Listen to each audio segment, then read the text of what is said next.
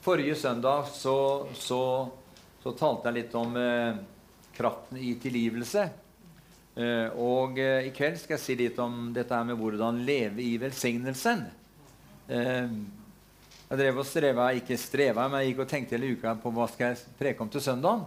Og som regel i de siste uken så har jeg fått liksom budskapet mitt på bønnemøtene på onsdag, men på onsdag så fikk jeg ikke noe budskap til helga. Gikk torsdagen tenkte, og tenkte, prøvde å grunne, grunne, på det, hva skal jeg dele, dele til søndagen. Og torsdagen gikk, og det var ikke noe nytt. Og, jo, og fredagskvelden så satt jeg og skrev ned mange ting. Og, og, og masse ting, Men så landa du landa liksom ikke på noe. da. Jeg brukte mange timer på å liksom lage forskjellige Ikke lage, da, men eh, nedskrive noen forskjellige tanker og, og, og prekener. Men, eh, men i går kveld da, så oppdaget jeg så, eh, så sa jeg til Benjamin Han var hjemme hos oss eh, i helga. Så sier jeg til ham at eh, ja, 'Morfar har ikke fått noe, har ikke fått noe budskap ennå.' Så sa jeg nei, men det kommer, det. Og jeg skal si litt om, litt, om det, litt om, det, her i kveld. Hvordan leve i velsignelsen. Men jeg skal ta først litt om en liten sånn, ikke til repetisjon fra forrige søndag, men bare eh, dette med kraften i tilgivelse. Jeg eh, satt og leste litt rent sånn vitenskapelig at eh, vitenskapen har kommet fram, fram blant annet, eh, har kommet fram til bl.a. At, at du ikke skal legge deg til sengs sint. og dette er et felles råd for par som ønsker å forbedre sitt forhold, leste jeg da. Fordi Hvis man det gjør, så vil det være virke negativt og emosjonelt vanskelig å skape det som man egentlig i sitt indre lengter etter. Dersom man lærer seg å gjøre opp uoverensstemmelser før man legger seg, så vil ikke dette bare være positivt bedre enn søvnen, men vil føre til at forholdet vil føre til eh, ikke bare bedre søvn, men rent emosjonelt et bedre forhold på alle områder i samlivet. Det er sånn eh, vitenskapelig beskrevet. Eh, dette er ikke noe nytt eh, for den som kjenner sin bibel. Det står i Efesbrevet 4 og vers 26-27. Om du vredes så synd ikke. Så det vil si det går an å bli vred, men vi må ikke la vreden føre til at man synder. La ikke solen gå ned over din vrede. Det var Gud som formet det menneskelige sinn, venner, og han viste hvordan man skulle løse konflikter før man gikk til sengs, slik at uoverensstemmelser ikke skulle få feste i ens liv. God søvn gjør nemlig eh, gjør mennesket utholdende og fører til at man blir en konfliktløser er en sånn teknisk beskrivelse på det. Bibelen inneholder mange forskjellige lover og prinsipper som, hvis de følges, vil forbedre våre liv og gi økt trygghet. Vrede derimot er følelsesmessig ødeleggende. Og Det er derfor Gud advarer hvor han sier i Forkynneren eller predikanten 7 vers 9.: Vær ikke for hastig i din ånd til å bli vred, for vreden bor i dårens barm, dvs. Si i den uforstandige. Og så Når vi er ydmyke og kloke nok til å tilgi noen, og vi gjør det raskt, så vil vi ikke være bærere av de følelsesmessige konsekvensene av konflikter som det medfører. Og derfor, venner, la oss alltid være raske med å tilgi hverandre. Det var bare en liten kort innledning. Eh, nå skal vi over på det budskapet i kveld hvordan leve i velsignelsen. For det er jo egentlig det vi ønsker alle sammen. Å leve i velsignelsen. Eh, og vi vet at Gud har satt velsignelsen midt i menigheten. Det vet vi også. Men det er vel noe faktisk alle kristne drømmer om. Det å få leve i velsignelsen. Eh, og eh, kanskje nummer én, ikke bare kanskje, men nummer én eh, til å le Det første vi bør gjøre, eller nummer én, er å gjøre Jesus til hyrde og herre i sine liv, slik som Salme 23 beskriver. Salme 23 sier at eh, 'Herren er min hyrde'. Jeg, det mangler meg ingenting. Han lar meg ligge i grønne enger. Han leder meg til hvilens vann. Han styrker min sjel. Han fører meg eh, på rettferdige stier for sitt navns skyld. Om jeg igjen skulle vandre i dødsskyggens dal, frykter jeg ikke for vondt, for du er med meg. Din kjepp og din stav, de trøster meg. Du dekker bord for meg like for mine fienders øyne. Du salver mitt hode med olje. Mitt beger flyter over, og bare godhet og miskunnhet skal etterjage meg alle mitt livs dager, og jeg skal bo i Herrens hus gjennom evige tider. Det var Davids salme, salme 23. Og det er mange som har den som sin yndlingssalme, og det er en veldig fin salme. Men vi skal se litt her i kveld på hva den innebærer, og hva, hva det vil si egentlig som David sier her. 'Herren er min hyrde', eller 'Herren er min herre', kan også oversettes med. Så David hadde gjort Herren til, ikke bare til sin hyrde, men til sin herre. herre. Så eh, hva betyr så denne salmen i, i altså praksis, da? Jo, eh, jeg tror det står at når 'Herren er min hyrde', det betyr at når man av hjertet har gjort Jesus til herre på alle områder i sitt liv, så har man overgitt sin egen vilje også på alle områder i sitt liv. Altså nummer én det er at vi, at vi, vi, vi overgir vår egen vilje. Eh, vi overgir oss på alle områder i våre liv eh, og, vår egen vilje til Herren. Og eh, da betyr det ganske enkelt at, at da, da, er det trinn nummer én. Og, da, og vi, gir oss, og vi gir vår vilje over til en annen enn oss selv. Jesus sa selv at han ikke hadde kommet for å gjøre sin egen vilje, men for å gjøre hans vilje som hadde sendt ham. På samme måte vil du og jeg fra den dagen vi gjør Jesus til herre i våre liv, så er det ikke lenger jeg som bestemmer hva jeg skal gjøre og ikke gjøre, men det er nemlig han som bestemmer hva jeg skal gjøre og ikke gjøre.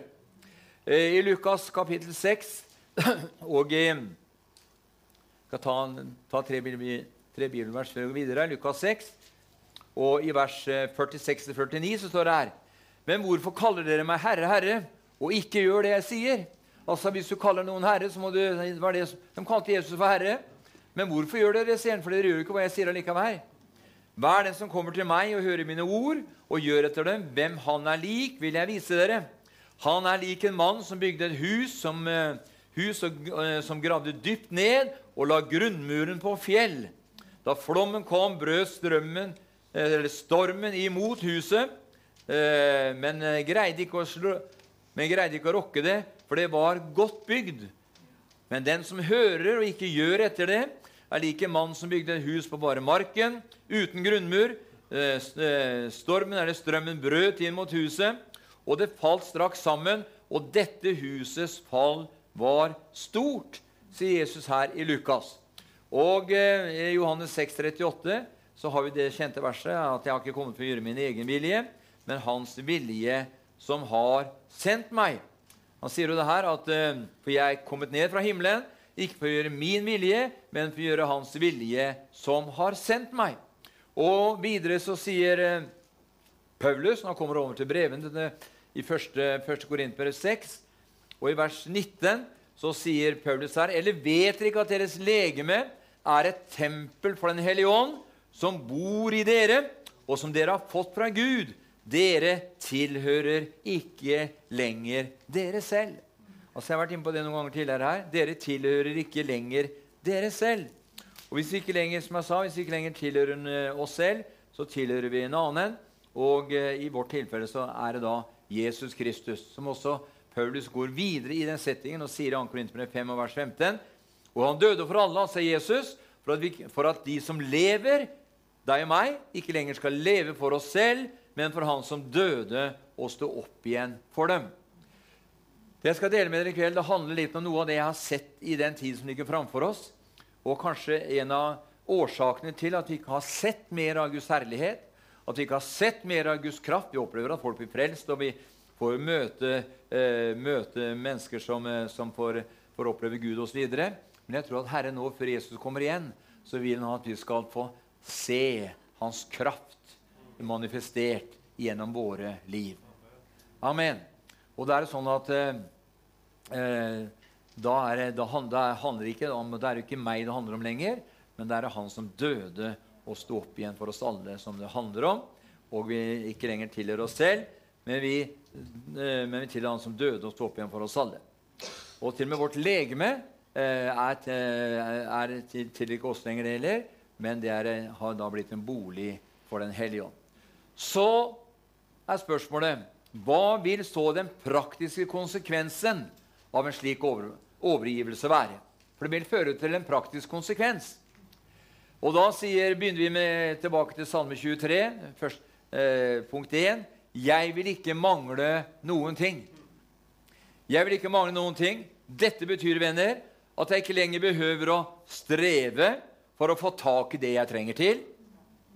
For Herren er min hyrde og herre, og, og Han som er min hyrde, han vil sørge for at jeg alltid har det jeg trenger til. Halleluja. Ansvaret for mitt videre liv er nå overført til min Herre og min hyrde, nemlig Jesus Kristus. Ikke sant? For Hvis ikke jeg lenger lever selv, men, men det livet jeg nå lever i troen på Han, så har jeg egentlig gått ut av mitt eget liv, og så har jeg overført mitt liv til Han som døde og oppsto igjen for meg mens jeg ennå var en synder. Og, eh, men nå er det ikke det lenger. Nå ble jeg rettferdiggjort ved tro. Da vi nå er rettferdiggjort ved tro, så har vi fred med Gud ved vår Herre Jesus Kristus. Så kan du si hvis det blir en sannhet i mitt hjerte, og jeg virkelig får åpenbaring hva det vil si, at, eh, at ikke lenger tilhører meg selv, men jeg tilhører Han som døde og står opp igjen for meg, og da behøver ikke jeg bekymre meg for verket for noen ting. For det er alt som handler om, om mitt liv da, det, handler, det er ikke noe jeg bestemmer over, men det er noe Han som jeg har overgitt kommandoen til mitt liv, som bestemmer over. Amen.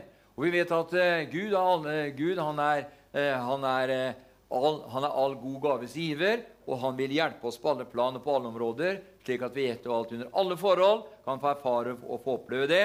At når vi har gjort Jesus til herre, til hyrde, så vil han sørge for at jeg alltid har det jeg trenger til.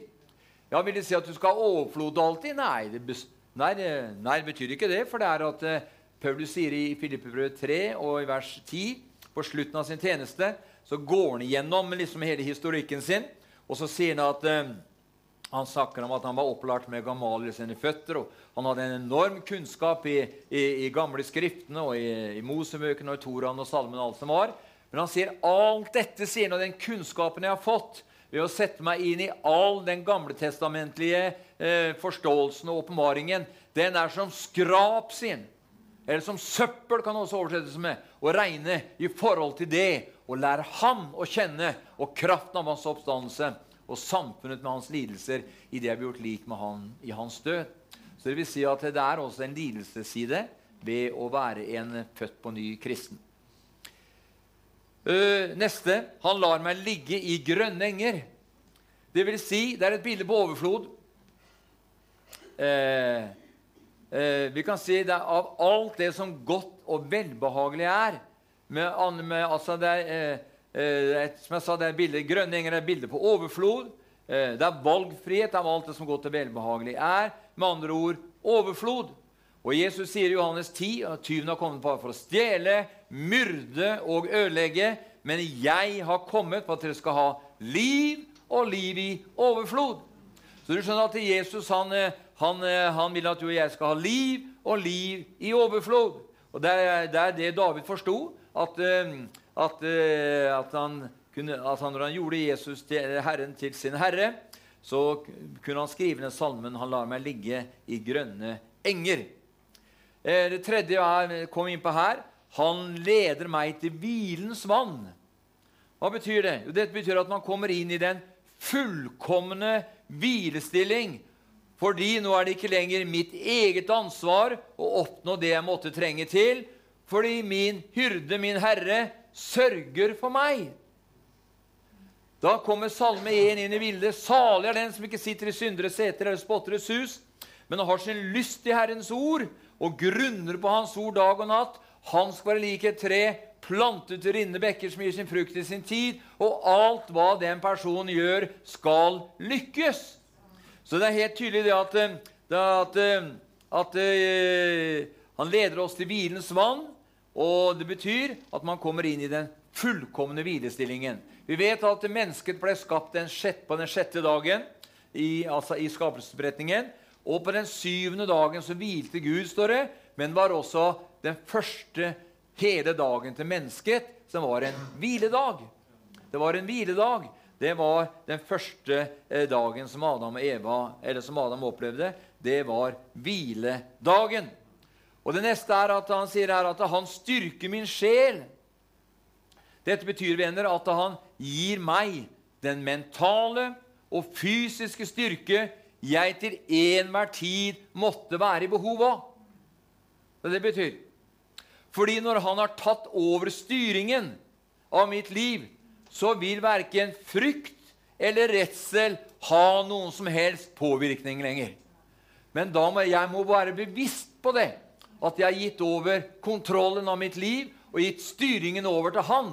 Og kan hvile i det. Da kan jeg eh, komme inn i en posisjon og, inn i et liv hvor jeg erfarer og opplever det at det, ingenting blir jag lenger, ingenting blir strev lenger, ingenting blir mas lenger. Det blir bare ganske enkelt at man har kommet inn i hvilestillingen, og så lar man, akkurat som Jesus, han verken sa eller gjorde noe uten, å, uten at han hørte Faderen si, og så det Faderen gjøre. Halleluja. For når han har tatt over styringen, som jeg sa, så vil verken frykt eller redsel ha noen som helst påvirkning. For nå er det ikke lenger jeg som lever, eh, men han som døde og sto opp igjen for deg og meg, lever i og gjennom deg og meg, fordi jeg nå er korsfestet med Kristus. Paulus sier 'jeg lever ikke lenger selv', men Kristus lever i meg. Også det er en, det er en sånn en dimensjon og en sånn en åpenbaring som Paulus kom med her. Jeg lever ikke lenger selv. Ja, men Hvis han kløp seg i armen, så kjente han at han levde. Men i sitt, i sitt liv med Herren så levde han ikke lenger selv, men det var Kristus som levde igjennom Paulus. Halleluja! Fordi at han levde et korsfesta liv med Kristus. Og så kommer det femte her.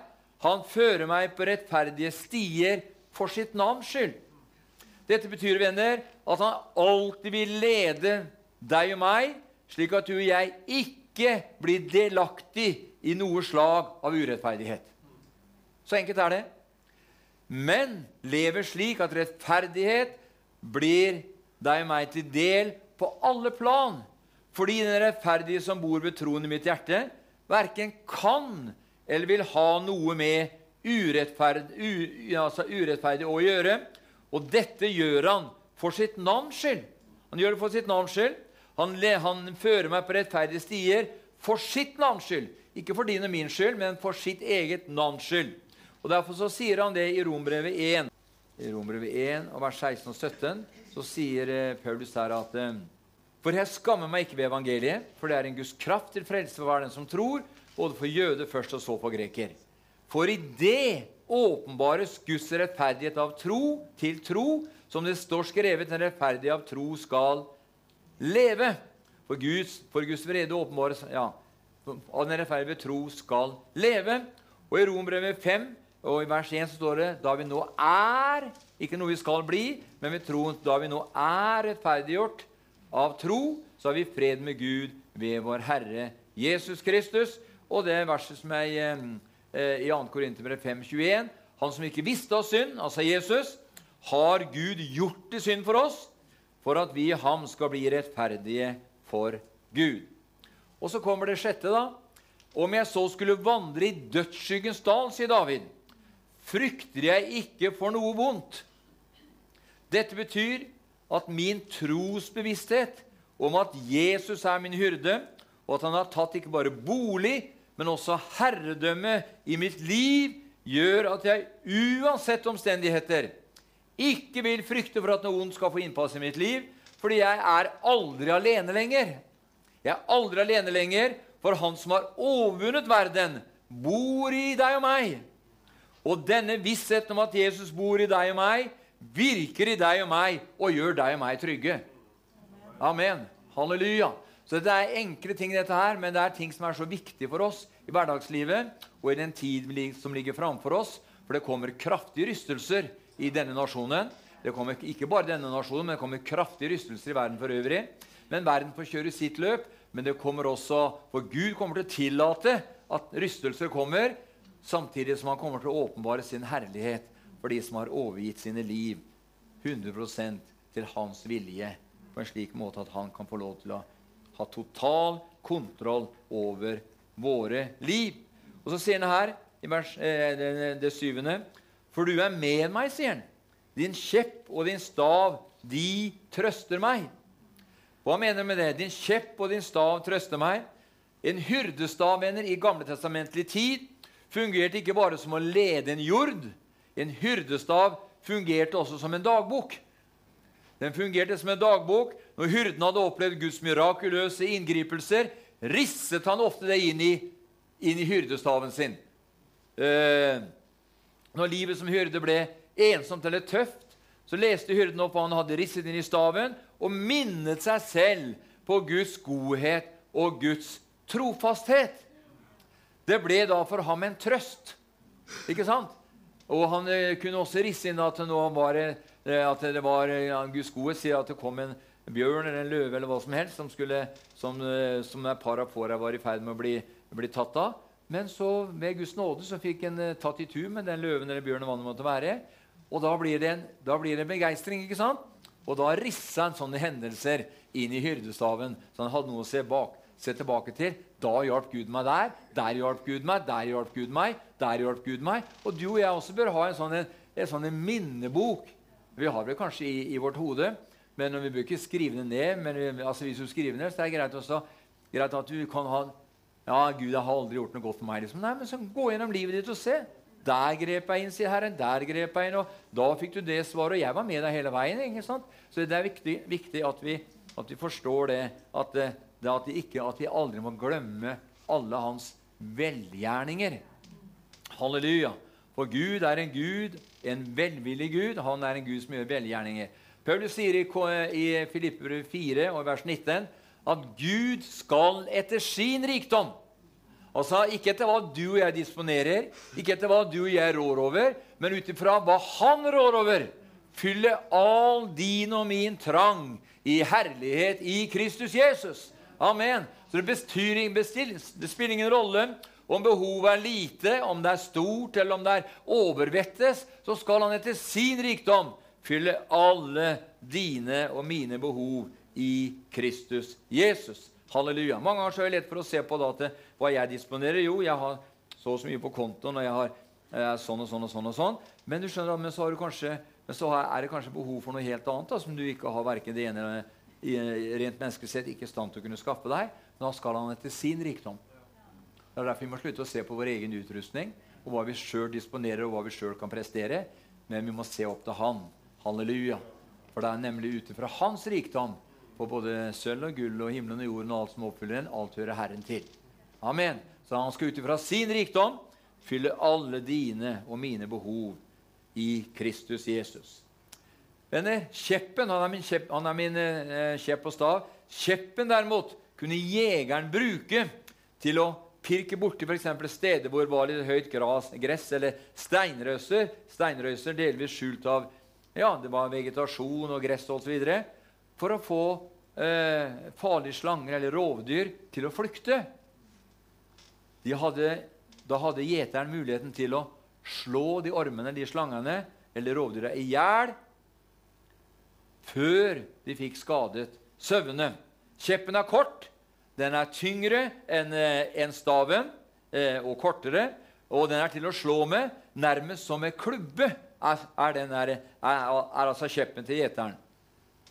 Den kunne også ha et jernbeslag eh, i enden som gjør at den blir enda farligere. Og det hebraiske ordet som er brukt å slå, eh, som er brukt å slå Kjeppen ble aldri brukt på søvne.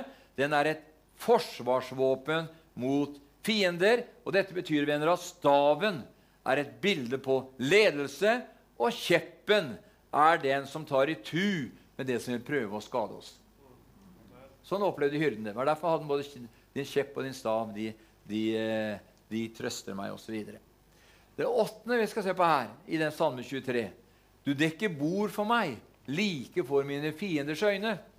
Har vi fiender? Ja. Tyven har kommet for å stjele, myrde og ødelegge. Men jeg har kommet skal liv og liv i overflod, sier Jesus. Så det finnes en tyv der ute som er ute etter for å stjele, myrde og ødelegge. Jeg ser fire dager på rad nå så har jeg fått en SMS hvor det står, hvor det står at eh, eh, bank-ID-en bank din er deaktivert. Trykk her. Hæ? Og så gikk jeg ned og så sjek, fant jeg, I og med at det kom på SMS, så fant jeg telefonnummer òg. To nummer. Jeg har ikke gjort noe, men jeg, tok, eh, jeg, skal, se, jeg skal se om jeg har fått den tre-fire ganger. Bang, trykk her. Og da må du liksom oppgi liksom forskjellige koder. og sånn. vet du. Jeg vet jo det, men det er, det er tyver ute for å stjele, myrde og ødelegge hele tiden. Og i den der teknologiske verden vi lever i i dag, så er det mennesker som bare er eksperter på å håndtere, på å håndtere teknologi, tek, altså teknologi og bruke dem i kjeltringsøyemed. Akkurat som Nord-Korea. Det er faktisk et av verdens største kjeltringland, hvor de har, e, utdanner egne folk som har til hensikt å lære seg å tappe kontoer og lure folk rundt omkring i hele den vestlige og delvis den asiatiske verden. Men eh, la det ligge der. Nord-Korea skal bli frelst en dag. vet du. Altså Sør-Korea med Jong Gishu i spissen har holdt på i 60 år. har de bedt om et gjenforent Korea. Og det har vært en tredje banditten sitter på, sitter, sitter på, eh, sitter på styringssetet der i dag. Eh, det er manko. Det er en liten elite som får det de trenger av overflod for å holde liksom ro i rekkene. Mens 95% av den nordkoreanske befolkningen har absolutt ingenting de skulle ha sagt. Og eh, Det går fra handa til munn, og knapt nok det. Mens familien Kim de sitter på hundretalls milliarder av dollar i, i, form av forskjellige saker og ting. Men i og med at det har vært bedt i så lang tid eh, om et gjenforent Nord-Korea, så tror jeg venner, at Gud kommer til å svare på den bønnen, og det blir et Korea til slutt. Kina er redde for det, for da får du plutselig en, eh, et Korea som er med, med, ja, Sør-Korea som er økonomisk sterkt, og som er velutviklet, og som har en høy levestandard, og som er, eh, har bilindustri og forsvarsindustri og flyindustri og mange, mange forskjellige ting. Og eh, da ser altså Kina vil ikke det. For da ser Kina på dette her som en, eh, som en tritt, eller som en, som, en, som en, konkurrent til sitt hegemoni i den, i den asiatiske verden.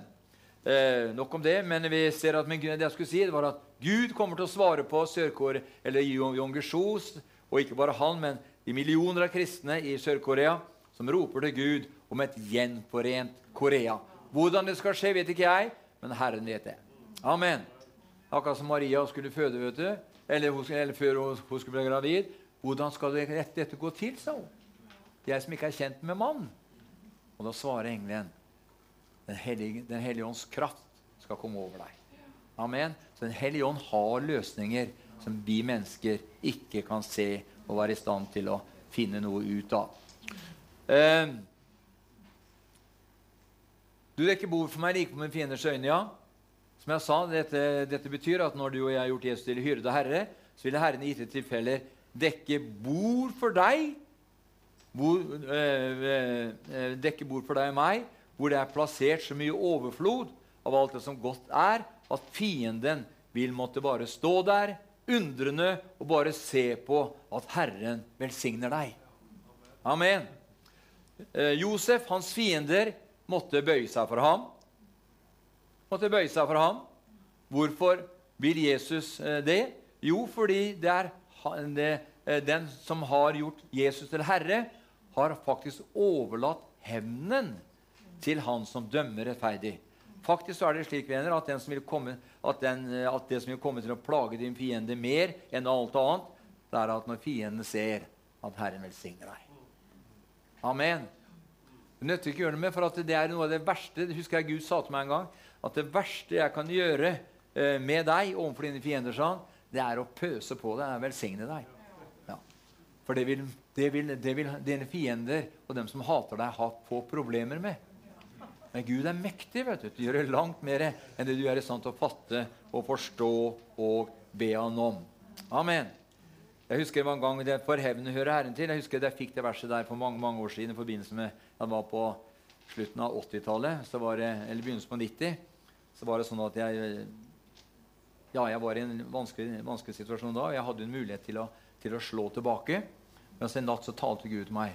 Min sønn sa han, hevnen hører meg til. Hevnen hører meg til. Så da måtte jeg bare kaste det på Gud. Og så vil Gud ordne det som skal ordnes, til rett tid. Amen. Så, og Har du gjort Jesus til herre, så du ikke, da tenker du ikke på hevntanker da. Nei, da har du overlatt hevnen til han som dømmer rettferdig. Halleluja. Og det, det niende her Du salver mitt hode med olje, så mitt beger flyter over, sier David her. Dette betyr, venner, at det aldri bare skal være slik at du kun har det du trenger til deg selv. Men Herrens velsignelse skjønner du, vil føre til at ditt beger flyter over. Halleluja. Slik at du igjen kan få være til velsignelse for andre. Amen. Han sa jo det. Men jeg har kommet, du skal ha liv, og liv i overflod. Du kan ikke mer enn å spise deg mett. Du kan ikke mer enn å drikke deg utørst. Du kan ikke mer enn uh, å ligge i én seng av gangen. Du kan ikke mer enn å kjøre én bil av gangen. Du kan ikke, uh, ikke sant, bo i ett hus av gangen osv. Men Herren han skal velsigne deg så rikelig så det skal flyte over. Derfor ble, veldig, ble det veldig ramaskrik i, de, i, de, i, en, i en, del kristne, eh, kristne, leirer i 1978. Når 1978-oversettelsen kom ut, ja, for ja, den Bibelen, så står det at han skal fylle ditt, fylle ditt be, han skal fylle ditt be, han skal fylle det han skal fylle deg opp til randen. Han skal fylle deg til, til randen av ditt beger, står det. Men, men grunnteksten er at han skal fylle ditt beger så det flyter over. Du skjønner, for Hvis det ikke flyter over, så har du bare nok til deg sjøl. Ikke sant? Men Herren vil at det skal, skal fylles, det skal flyte over, så du blir i stand til å dele ut. Halleluja. Jeg husker en beretning i, en, det var i, i januar, slutten av januar i, i to, i 91. Da hadde jeg gått, jeg hadde gått gjennom en svær Jeg hadde gått gjennom en stor smell da. Og så, så ringer det en fra Helsinki. Helsinki eller altså, ja, fra Helsingfors. Eh, og Han ringte til meg oppe, i Degernes og så sier han at 'Taler jeg, taler jeg Marne Lundstien?' 'Ja, du gjør det nå', sa jeg. Ja, jeg, jeg vet ikke hvem du er, sånn, men jeg har en hilsen til deg fra Herren', sa han. Om du, ikke, om du, nå i dag ikke har så mye som en, eh, som en krone i din fikka, så skal dager komme, sier Herren, da, da, skal, eh, eh, da, du igjen skal dele ut til høyre og venstre. Ta det som et ord fra Herren, min kjære broder, sa Og gå inn og ta deg en kopp kaffe og slappe av litt av. Så, og så altså lande på røret. Men det er jo mange år siden. da, Det er jo 30 år siden. Så, og jeg fikk mange sånne forskjellige sånne telefoner vet du, fra London og forskjellige plasser. vet du. Eh, og ja men, ja, men, det skjedde jo liksom ikke med en gang, da. Nei, men du skjønner, Gud er rik nok. Og i, han, eh, og i Salme 1 og i den tid, nei, dette her skal bære frukt i sin tid. Amen. Halleluja. Så alt har med Guds timing og Guds tid å gjøre. Amen. Så står det videre her at eh, eh bare godhet og miskunnhet, den tiende saken her, bare godhet og miskunnhet skal etterjage eller etterfølge meg alle livets dager. Dette betyr venner, at når man har gjort Jesus til herre, etter hyrde, så vil man aldri mer forsøke å oppnå godhet og miskunnhet ved å gjøre det ene eller det andre. Nei, alt dette skal etterjage oss. Med andre ord, det skal løpe etter oss. Det skal løpe etter oss. Du og jeg skal aldri behøve å løpe etter en velsignelse. Du, jeg skal aldri behøve å reise dit eller dit, for at eh, der kan jeg bli velsigna. Nei, hvis du har gjort Jesus til Herre, så er det nemlig velsignelsen som skal løpe etter deg og meg. Halleluja! Priset være Herrens navn. Så øh, øh, Og så står det videre her, det ellevte her øh, Jeg skal bo i Herrens hus i all evighet. Alltid skal jeg være der hvor Herren er. Og Da tenkte jeg på det som står der at, uh, i, uh, i, i Johannes 14 I min fars hus er det mange rom. Var det ikke slik, da hadde jeg sagt dere det. For jeg går bort for å gjøre i stand et sted for dere. Og når jeg går bort og har gjort i stand et sted for dere, kommer jeg igjen og skal ta dere til meg, for at også dere skal være der hvor jeg er. Halleluja. Så det handler faktisk om det, at vi alltid skal være der hvor Herren er. Amen. Så i evighetens evigheters venner så skal vi være der hvor Herren er. Venner, denne salme 23 den er så sterk egentlig at dersom dette blir en sannhet i våre hjerter, så vil Salme 127 det var det som ble så sterkt for meg i går kveld, så vil Salme 127 bli en virkelighet i våre liv. Hva står det der i Salme 127? Hvis ikke Herren bygger huset, så arbeider bygningsmannen forgjeves. Og du skjønner at eh, Hvilket hus er det snakk om, da? Jo, i gamle eh, her, eh, i, ja, altså i Salme 127 Hvis ikke Herren bygger huset, så arbeider bygningsmannen forgjeves. Forgjeves står det tidlig opp og gjeter møysomhetens brød osv. Det samme gir han sine venner i søvne. Eller sin venn i søvne, står det. Men du vet at nå i den nytestamentlige pakten amen, så er du, sånn, er du og jeg Herrens hus. Og det er Derfor må vi tillate Herren å bygge deg og meg. Du og jeg er nemlig et bolig. Vi er et hus for Han. Og det ble så, så, så kraftig for meg i går kveld, dette her, at, eh, at, eh, at, hvis Herren får bygge mitt hus, at han får eh, for, han, for jeg tilhører ikke lenger meg selv, og da er jeg hans hus. Han har tatt bolig i meg. Så jeg må tillate han å bygge huset. Han må få lov til å forme, han må få lov til å danne, han må få lov til å utruste. Han må få lov til å virke slik i meg som han vil jeg skal fungere og, eh, og altså leve i. Så blir det slik. Da er det Herren som bygger huset. Og når det blir en virkelighet, eh, så, det det, eh, så blir det huset det blir en bolig, en bolig for Herren som han kan arbeide ut ifra. Gud vil, vil, Gud vil arbeide ut ifra deg, og han vil arbeide ut ifra meg. Han vil arbeide ut ifra oss, slik at um, hans, uh, hans, gjerninger, hans planer, hans hensikter kan skje gjennom ditt og mitt liv her på jorden. Halleluja. For han sier nemlig for at um, uh, uh, han, for, for, han sier kanskje at Vi kan kanskje si det så sterkt at som Efesbrevet 2 vers 10 sier at vi er Hans verk, skapt i Kristus Jesus til gode gjerninger som han på forhånd har lagt ferdig for oss for at vi skal vandre i dem.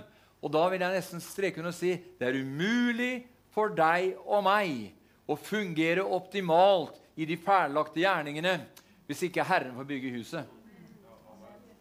Hvis ikke Herren får bygge meg og bygge deg, så er det umulig optimalt for Herren å bruke deg og meg. Jesus levde et optimalt liv overfor sin far.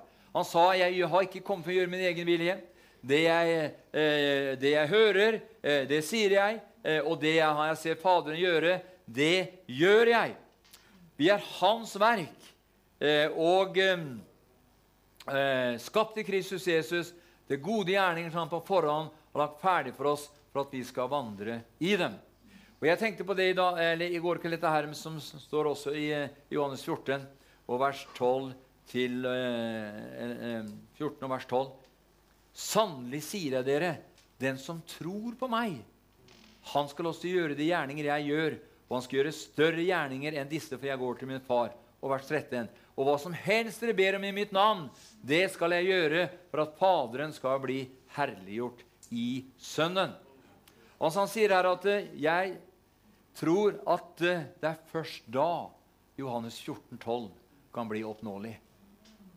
At vi ikke bare skal gjøre de gjerninger han gjorde, men større enn de gjerningene han gjorde fordi at han går, fordi at han gikk til sin far. Og jeg tror at når du og jeg er, innser det at vi ikke lenger tilhører oss selv, men vi tilhører Han som døde og sto opp igjen for oss alle, og han får lov til å virke i oss det både ville og gjøre, det gode og velbehaget, det som er etter hans vilje osv., da er det ikke jeg som vil saker og ting, men det er Han som virker i meg og virker i deg. Som det står i eh, Filippebrevet 2, vers 13. er det vel. Han virker i oss til å både ville og gjøre det gode, det velbehagelige, det som er etter hans vilje. Og da tror jeg da at eh, når det blir en sannhet i mitt hjerte, at eh, Arne, jeg abdiserer, jeg trer av, og jeg eh, ropte til Gud at Herre, jeg, jeg ønsker å tre av. Jeg må tre av. Og så vil jeg at ditt liv skal være eh, at, eh, at, eh, at, ditt liv skal bli mitt liv. At han skal få lov til å fungere og virke gjennom deg og meg. Og da blir det sånn at eh, Da kan jeg si som Paulus sier, jeg lever ikke lenger selv, men Kristus lever i meg, osv. Og, og jeg tror, venner, skal vi, få, skal vi møte den fighten som er ute i verden i dag, skal vi møte det hatet som kan si, Norge er jo i ferd med å bli avkristne den politiske eliten de har satt seg over Gud. skjønner du. Det første budet er at du skal ikke andre guder enn meg. Men eliten har gått så langt at de skal høre på oss. Ja. Det, er vi, det er vi som vet best. Det er vi som kan. Det er, som, eh, det er, det er oss dere skal lytte til, osv. Og, og så har man gjort alt man kan for å på en måte stenge, stenge eh, det, alt som har med Gud og kristendom det, det altså vil man helst ikke ha noe med å gjøre. Og man ser da at, eh, ser da at sånn som Ungarn, f.eks., de nekter plent. Og Polen nekter plent at barn under 18 år skal få grundig opplæring i homofili og alt hva, den perversiteten og alt hva det handler om, helt ned til eh, barn i altså barnehage. Helt derfra ville EU eh, kjøre inn hele det lovverket sitt for å få inn den der nye agendaen. Og så bruker de ordet ja, men det har med EUs menneskerettigheter å gjøre. Det skjønner du. Det er det de sier. Det har med EUs menneskerettigheter å gjøre. Det har med djevelens verk å gjøre. Ja, det er det det har. Og Derfor så ser vi da at vi har to land som reiser seg. Eh, Det er Ungarn og Polen. Og det kommer nok til å komme flere. Og eh, ja, Vi hadde et bønnemøte her var sikkert kanskje 15 år siden. Vi hadde en bønnenatt her, eller en bønnekveld, en fredagskveld. Og da talte Gud, og så sa vi den profetiske ånd Det kommer en tid EU skal kollapse. EU skal falle. EU kommer til å falle. Og eh, hvorfor kommer det til å falle? Jo, for at Gud har aldri vært for unioner. Aldri vært for Den første unionen det var den der som var på Babels tårn. De sa la oss bygge et, eh, et tårn som går, som, som går like opp til, altså, kan si, opp til himmelen. Men Gud hadde ikke noe behag i det, så han endra folkenes eh, språk og, der, og, sendte dem rundt omkring i hele verden. Eh, så det med EU og sånn, det er mot Gud. For Gud vil at alle mennesker skal bo innenfor, innenfor fastsatte grenser, hvor de der skal lære Gud å kjenne. Det skal ikke være noen sånne overkikadorer som skal sitte der og sette dagsorden for deg og meg. Nei, du skjønner at vi har én Herre, hvis, hvis navnet er Jesus Kristus. Vi har en rådgiver, som er Den hellige ånd. Og han skal både veilede oss til den hele og fulle sannhet, og han skal, forkyn, og han skal, for, og han skal fortelle oss om de kommende ting osv. Ja, vi må ikke vite så mye om framtiden. Selvfølgelig skal vi vite om framtiden. Da er det en hellige ånd skal fortelle, Han skal veilede oss til hele fulle sannhet. Han skal fortelle oss om, om altså framtiden også. Det er helt bibelsk å vite om det. Og jeg tror det, venner, at vi står foran en tid nå hvor det kommer kraftige rystelser. Det kommer rystelser som kommer til. Og eh, ja, men Norge, Det er ikke noe farlig med Norge. Vi, kan ha jo, vi har jo 350 000 muslimer i Norge. Og hvis alle dem stemmer Arbeiderpartiet, så har vi sosialisme hele veien. Hele veien. Men, eh, eh, men, la, men, la, det ligge. Men det, det som skremte, skremte meg denne uka her, først på uka, når jeg så denne så fra Utøya, og jeg så, så, eh, så AUF-ungdommen, hvordan de hadde lagd det store skiltet 'Boikott Israel'. Og så så jeg hvor de dansa og jubla og var helt liksom Israel! De var helt, var helt i fist, de var helt i fister og helt i hundre. Og jeg så liksom det hatet som var i dem. Og så kan man da stille seg spørsmål da at eh, så, Ja, men så, eh, så kan man si Hvorfor er det sånn? Det er framtidens Ap-politikere. Jeg husker det når det var 22. 22. juli eh, eh, i 2011 i forbindelse med han, eh, han eh, Breivik som skjøt i 77 og var på Utøya og skjøt. Så var det en forferdelig sak. Men så var det en biskop som sa at Hvor var Gud den her? Hvorfor grep ikke Gud inn og hjalp? Hvorfor grep ikke Gud inn og hindra den massakren? Ja, men kan, Da kan du si på samme måte som dere i andre asiatiske land og søramerikanske land hvor det er stadig vekk massakrer osv. Du ser ikke Gud griper noe inn der heller. Men altså så, når det var det spørsmålet, så ba jeg, husker jeg ba til Gud, så fikk jeg et ord fra Jeremia. Og der står det når, u, når ulykken rammer, hvem skal da hjelpe dem? Så står det jeg, ikke jeg, sier Herren. For meg har de forkasta. Meg vil de ikke ha noe med å gjøre. Så da blir det feil av biskopene å si deg, 'Hvor var Gud hen?' Nei, men Gud er ikke der hvor du ikke, hvis du ikke vil ha noe med Gud å gjøre. Nei. Og Det er derfor David sa, 'Herren er min hyrde'. Jeg mangler ingenting.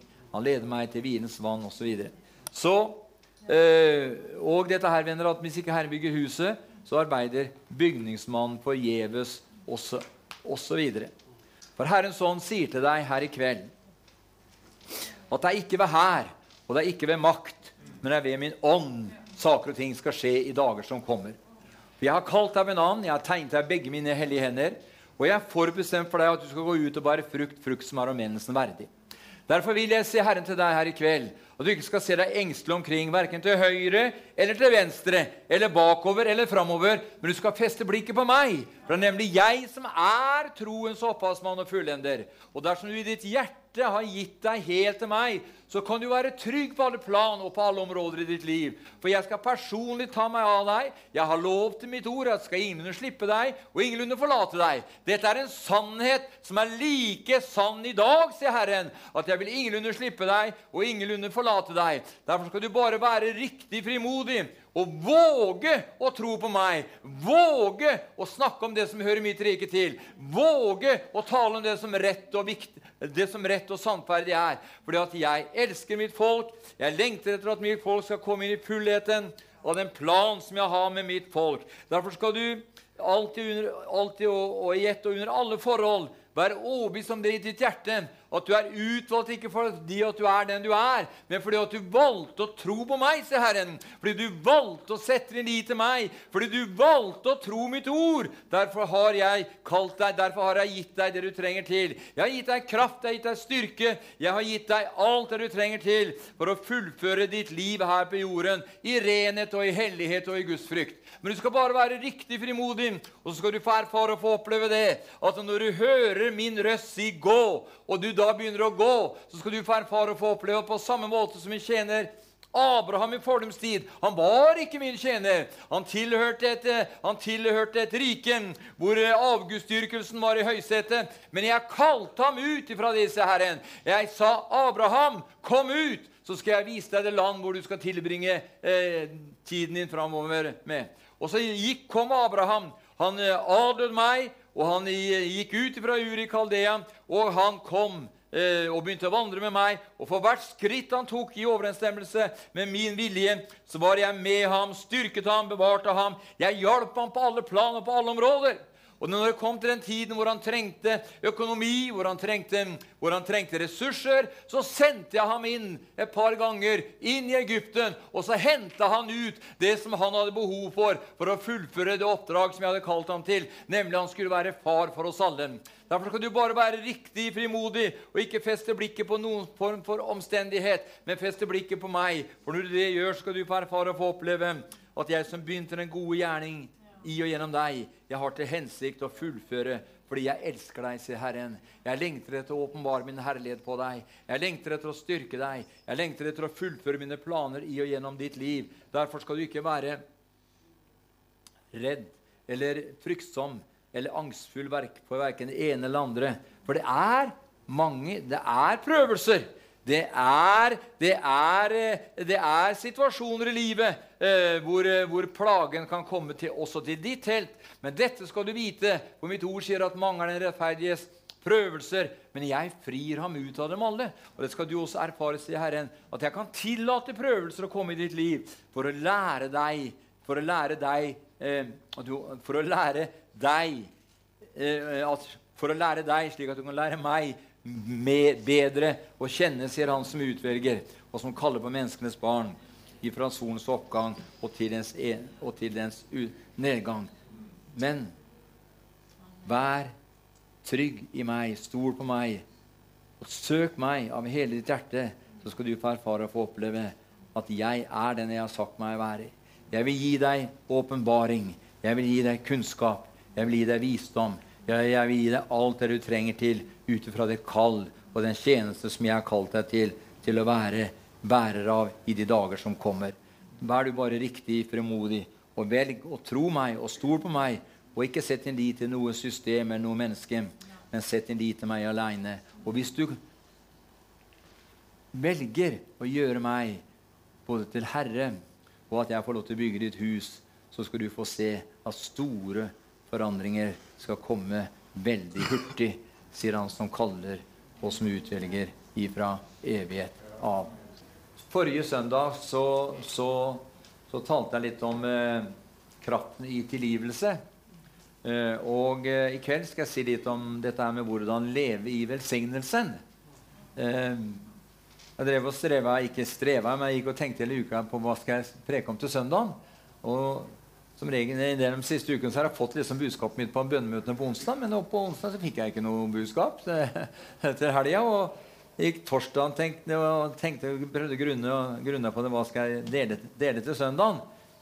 Og torsdagen gikk, og det var ikke noe nytt. Og, eller det var jo, og fredagskvelden så satt jeg og skrev ned mange ting og, og, og, masse ting. Men så lander du lander liksom ikke på noe. da. Jeg brukte mange timer på å liksom lage forskjellige Ikke lage, da, men eh, nedskrive noen forskjellige tanker og, og, og prekener. Men, eh, men i går kveld da, så, jeg, så, eh, så sa jeg til Benjamin Han var, var hjemme hos oss eh, i helga. Så sier jeg til ham at ja, 'Morfar har ikke fått noe, har ikke fått noe budskap ennå.' Så sa jeg nei, men det kommer, det. Ja. Og jeg skal si litt om, litt, om det, litt om, det, her i kveld. Hvordan leve i velsignelsen.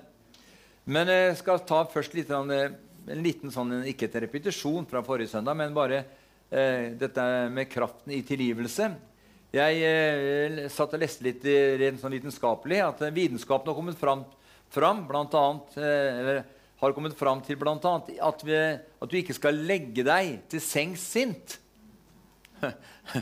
og dette er et felles råd for par som ønsker å forbedre sitt forhold, leste jeg da. Fordi Hvis man det gjør, så vil det være, virke negativt og emosjonelt vanskelig å skape det som man egentlig i sitt indre lengter etter. Dersom man lærer seg å gjøre opp uoverensstemmelser før man legger seg, så vil ikke dette bare være positivt bedre enn søvnen, men vil føre til at forholdet vil føre til eh, ikke bare bedre søvn, men rent emosjonelt et bedre forhold på alle områder i samlivet. Det er sånn uh, vitenskapelig beskrevet. Eh, dette er ikke noe nytt eh, for den som kjenner sin bibel. Det står i Efesbrevet 4 og vers 26-27. Om du vredes, så synd ikke. Så det vil si det går an å bli vred, men vi må ikke la vreden føre til at man synder. La ikke solen gå ned over din vrede. Det var Gud som formet det menneskelige sinn, venner. Og han viste hvordan man skulle løse konflikter før man gikk til sengs, slik at uoverensstemmelser ikke skulle få feste i ens liv, God søvn gjør nemlig eh, gjør mennesket utholdende og fører til at man blir en konfliktløser. Det er en sånn teknisk beskrivelse på det. Bibelen inneholder mange forskjellige lover og prinsipper som, hvis de følges, vil forbedre våre liv og gi økt trygghet. Vrede derimot er følelsesmessig ødeleggende. og Det er derfor Gud advarer hvor han sier i Forkynneren eller predikanten 7 vers 9 Vær ikke for hastig i din ånd til å bli vred, for vreden bor i dårens barm, dvs. Si i den uforstandige. Og så Når vi er ydmyke og kloke nok til å tilgi noen, og vi gjør det raskt, så vil vi ikke være bærere av de følelsesmessige konsekvensene av konflikter som det medfører. Og derfor, venner, la oss alltid være raske med å tilgi hverandre. Det var bare en liten kort innledning. Eh, nå skal vi over på det budskapet i kveld hvordan leve i velsignelsen. For det er jo egentlig det vi ønsker alle sammen. Å leve i velsignelsen. Eh, og vi vet at Gud har satt velsignelsen midt i menigheten. Det vet vi også. Men det er vel noe faktisk alle kristne drømmer om. Det å få leve i velsignelsen. Eh, og eh, kanskje nummer én, ikke bare kanskje, men nummer én eh, til å le Det første vi bør gjøre, eller nummer én, er å gjøre Jesus til hyrde og herre i sine liv, slik som Salme 23 beskriver. Salme 23 sier at um, 'Herren er min hyrde'. Jeg, det mangler meg ingenting. Han lar meg ligge i grønne enger. Han leder meg til hvilens vann. Han styrker min sjel. Han fører meg eh, på rettferdige stier for sitt navns skyld.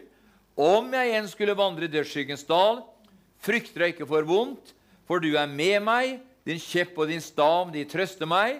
Du dekker bord for meg like for mine fienders øyne. Du salver mitt hode med olje, mitt beger flyter over, og bare godhet og miskunnhet skal etterjage meg alle mitt livs dager, og jeg skal bo i Herrens hus gjennom evige tider. Det var Davids salme, salme 23. Og det er mange som har den som sin yndlingssalme, og det er jo en veldig fin salme. Men vi skal se litt her i kveld på hva den innebærer, og hva, hva, det vil si, egentlig, som David sier her. 'Herren er min hyrde', eller 'Herren er min herre', kan også oversettes med. Så David hadde gjort Herren til, ikke bare til sin hyrde, men til sin herre. herre. Så eh, hva betyr så denne salmen i, i altså praksis, da? Jo, eh, jeg tror det står at når 'Herren er min hyrde', det betyr at når man av hjertet har gjort Jesus til herre på alle områder i sitt liv, så har man overgitt sin egen vilje også på alle områder i sitt liv. Altså nummer én det er at vi, at vi, vi, vi overgir vår egen vilje. Eh, vi overgir oss på alle områder i våre liv eh, og, vår egen vilje til Herren. Og eh, da betyr det ganske enkelt at, eh, at eh, da, da, er det trinn nummer én. Eh, og, da, og vi, gir oss, og vi gir vår vilje over til en annen enn oss selv. Jesus sa selv at han ikke hadde kommet for å gjøre sin egen vilje, men for å gjøre Hans vilje som hadde sendt ham. På samme måte vil du og jeg fra den dagen vi gjør Jesus til herre i våre liv, så er det ikke lenger jeg som bestemmer hva jeg skal gjøre og ikke gjøre, men det er det nemlig Han som bestemmer hva jeg skal gjøre og ikke gjøre.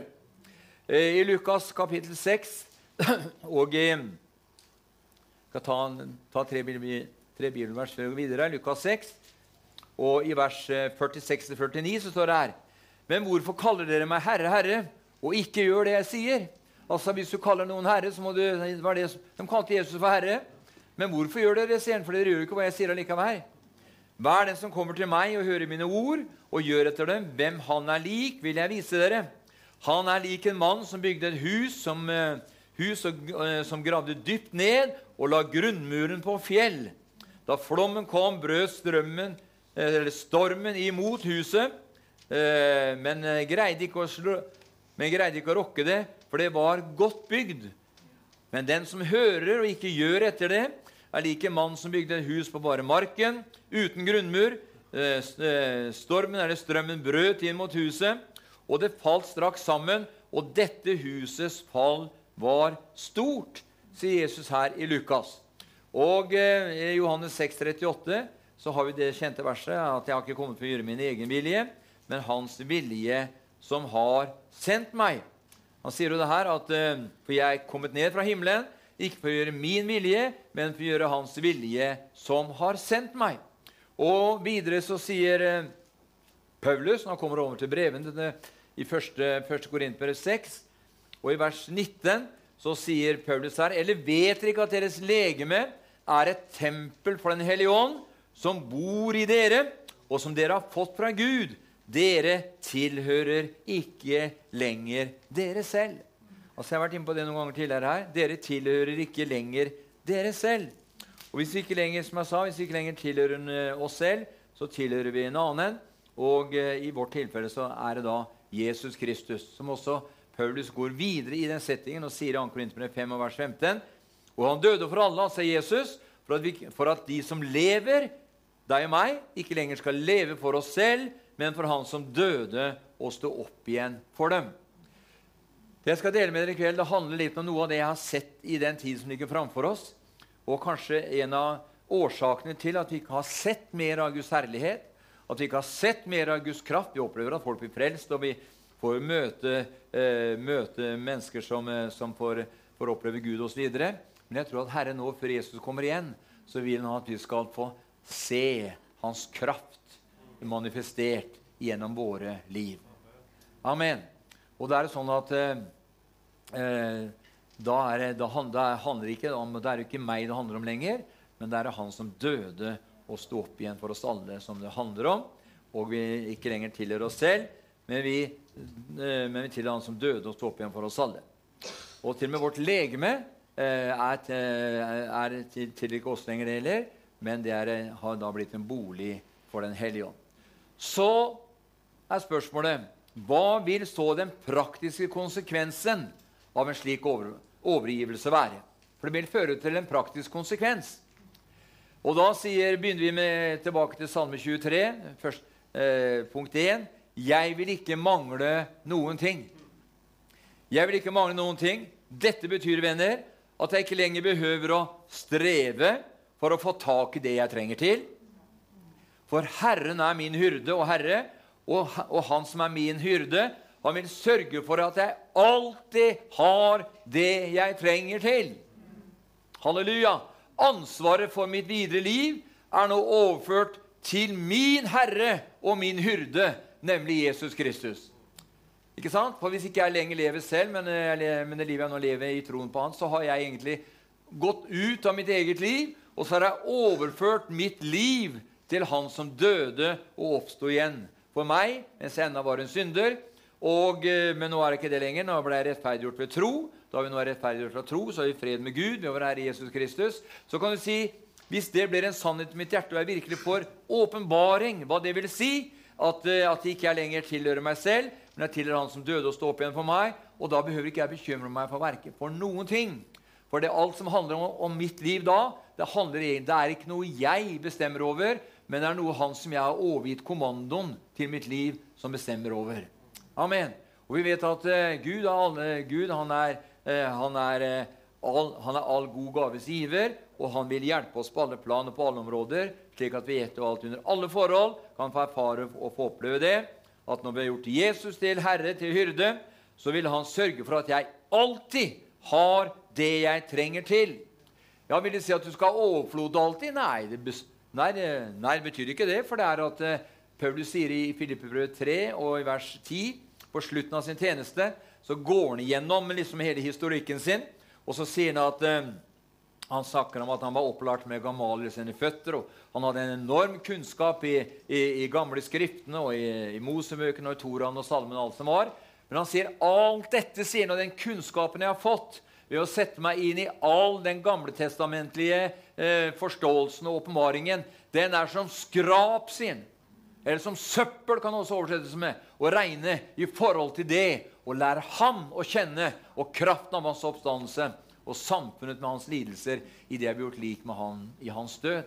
Så det vil si at det er også en lidelsesside ved å være en født på ny kristen.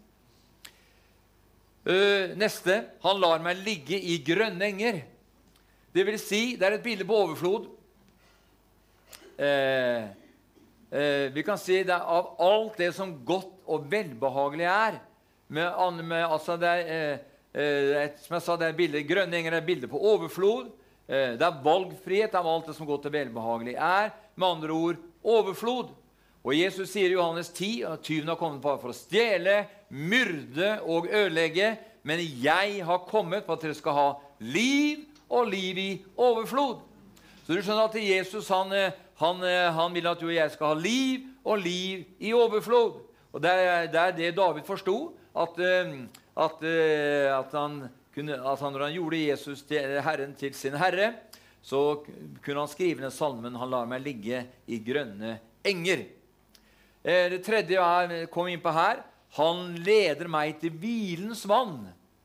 Hva betyr det? Jo, det betyr at man kommer inn i den fullkomne hvilestilling. Fordi nå er det ikke lenger mitt eget ansvar å oppnå det jeg måtte trenge til. Fordi min hyrde, min herre, sørger for meg. Da kommer Salme 1 inn i bildet. Salig er den som ikke sitter i syndere seter eller spotteres hus, men har sin lyst i Herrens ord og grunner på Hans ord dag og natt. Han skal være lik et tre plantet til rinnende bekker som gir sin frukt i sin tid, og alt hva den personen gjør, skal lykkes. Så det er helt tydelig det at, eh, det at, eh, at, uh, han leder oss til hvilens vann. Og det betyr at man kommer inn i den fullkomne hvilestillingen. Vi vet at mennesket ble skapt den sjette, på den sjette dagen i, altså i skapelsesberetningen. Og på den syvende dagen så hvilte Gud, står det, men var også den første hele dagen til mennesket, som var en hviledag. Det var en hviledag. Det var den første eh, dagen som Adam og Eva, eller som Adam opplevde. Det var hviledagen. Og Det neste er at han sier her at han styrker min sjel. Dette betyr venner, at han gir meg den mentale og fysiske styrke jeg til enhver tid måtte være i behov av. Det, det betyr.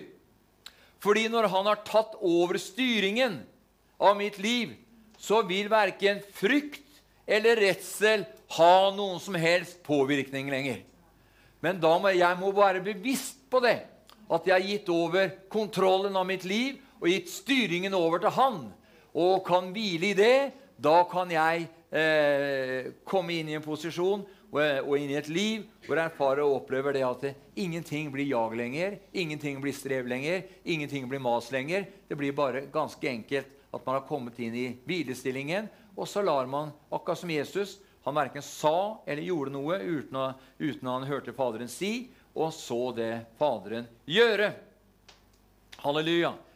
For når han har tatt over styringen, som jeg sa, så vil verken frykt eller redsel ha noen som helst påvirkning. For nå er det ikke lenger jeg som lever, eh, men han som døde og sto opp igjen for deg og meg, lever i og gjennom deg og meg, fordi jeg nå er korsfestet med Kristus.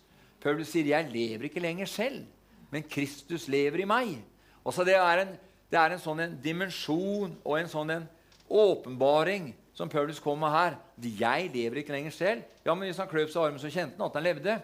Men i sitt, i sitt liv med Herren så levde han ikke lenger selv, men det var Kristus som levde igjennom Paulus. Halleluja! Fordi at han levde et korsfesta liv med Kristus. Og så kommer det femte her. Han fører meg på rettferdige stier for sitt navns skyld. Dette betyr, venner, at han alltid vil lede deg og meg, slik at du og jeg ikke blir delaktig i noe slag av urettferdighet. Så enkelt er det. Men lever slik at rettferdighet blir deg og meg til del på alle plan. Fordi den rettferdige som bor ved troen i mitt hjerte, verken kan eller vil ha noe med urettferd, u, altså urettferdig å gjøre. Og dette gjør han for sitt navns skyld. Han gjør det for sitt navns skyld. Han, han fører meg på rettferdige stier for sitt navns skyld. Ikke for din og min skyld, men for sitt eget navns skyld. Og Derfor så sier han det i Rombrevet 1. I Rombrevet 1, og vers 16 og 17 så sier eh, Paulus der at eh, For jeg skammer meg ikke ved evangeliet, for det er en Guds kraft til frelse for hver den som tror, både for jøde først og så for greker. For i det åpenbares Guds rettferdighet av tro til tro, som det står skrevet, den rettferdige av tro skal leve.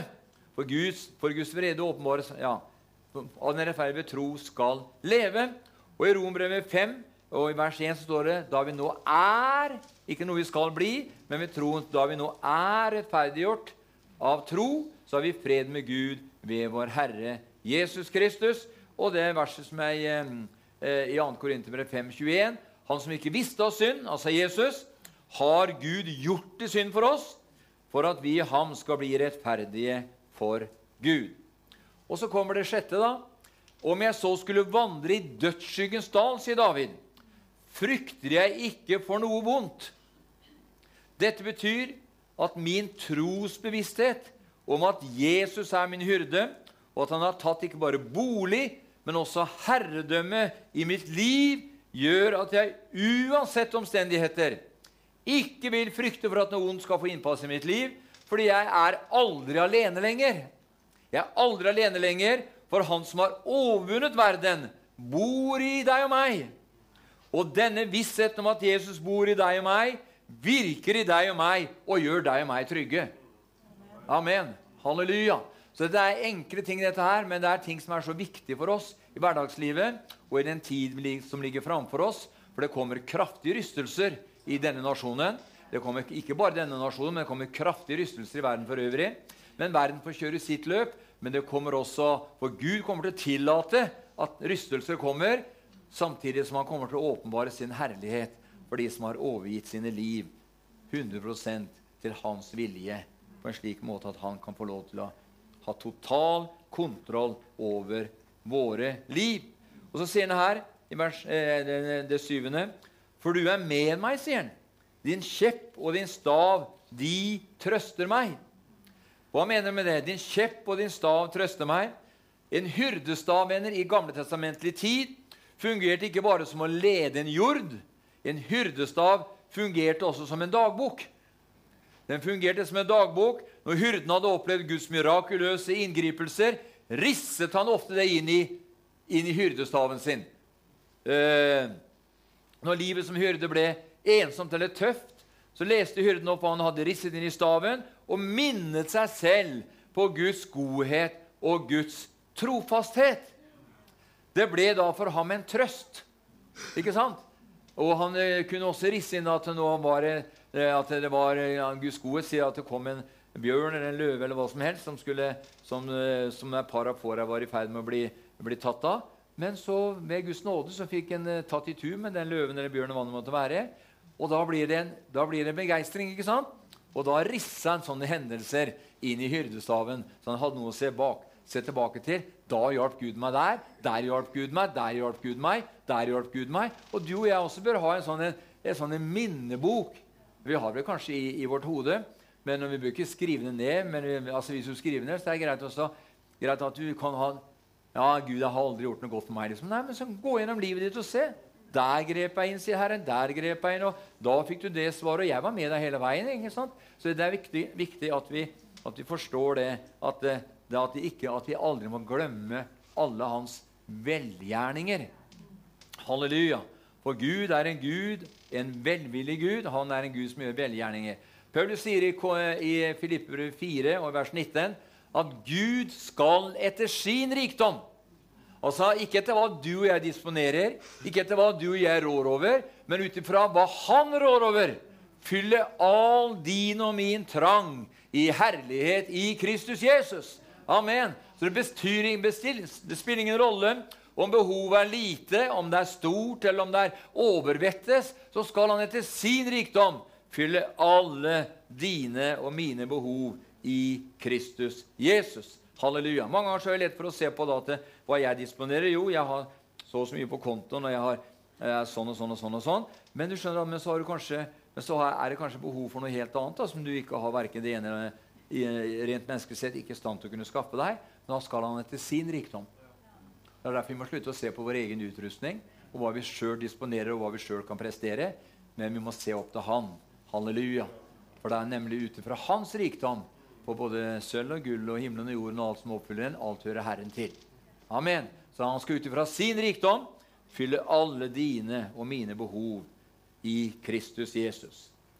Venner, kjeppen han er min, kjepp, han er min eh, kjepp og stav. Kjeppen derimot kunne jegeren bruke til å pirke borti f.eks. steder hvor det var litt høyt gras, gress eller steinrøyser. Steinrøyser delvis skjult av ja, det var vegetasjon og gress osv. For å få eh, farlige slanger eller rovdyr til å flykte.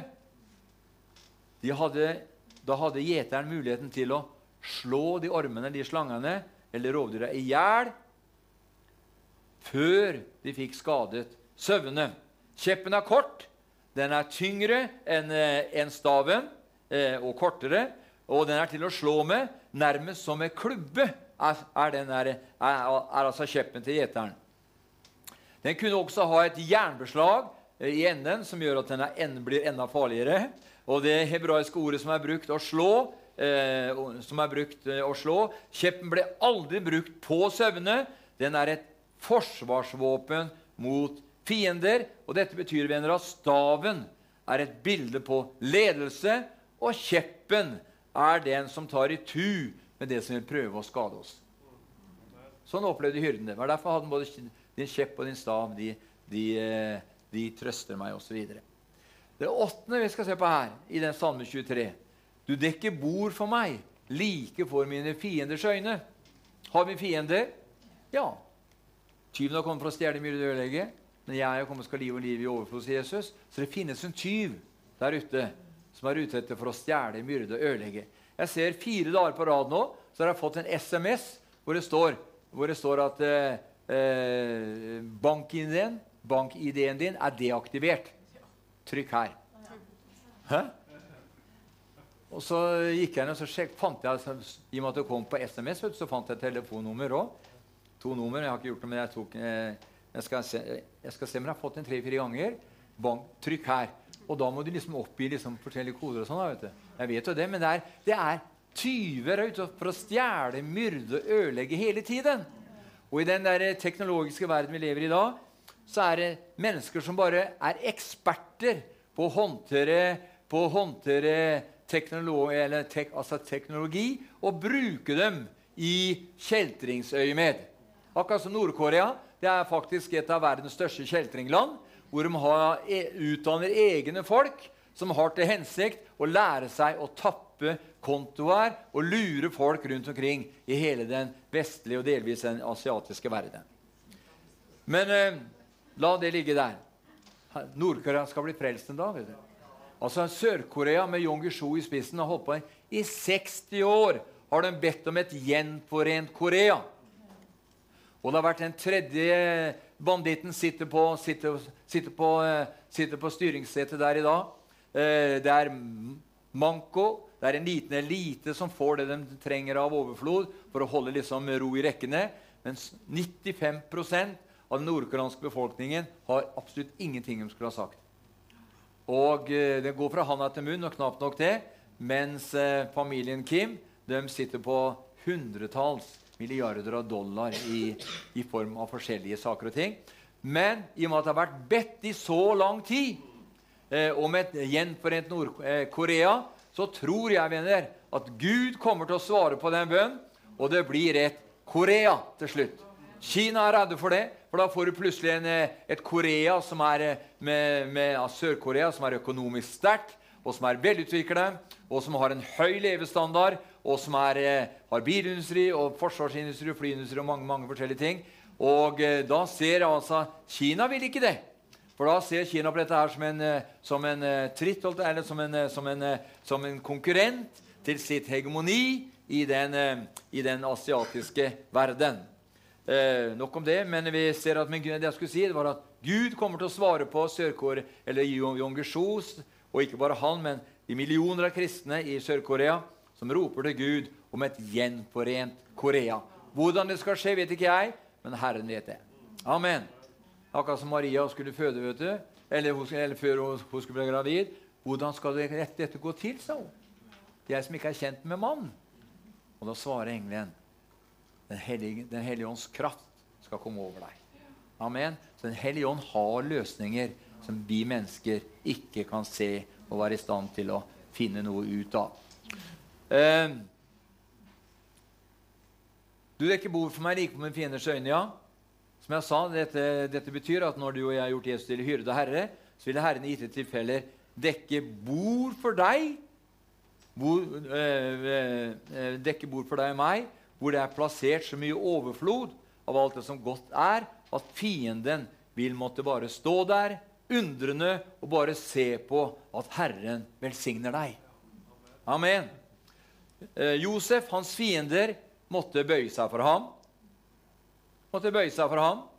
Hvorfor vil Jesus eh, det? Jo, fordi det er eh, den som har gjort Jesus til herre, har faktisk overlatt hevnen til han som dømmer rettferdig.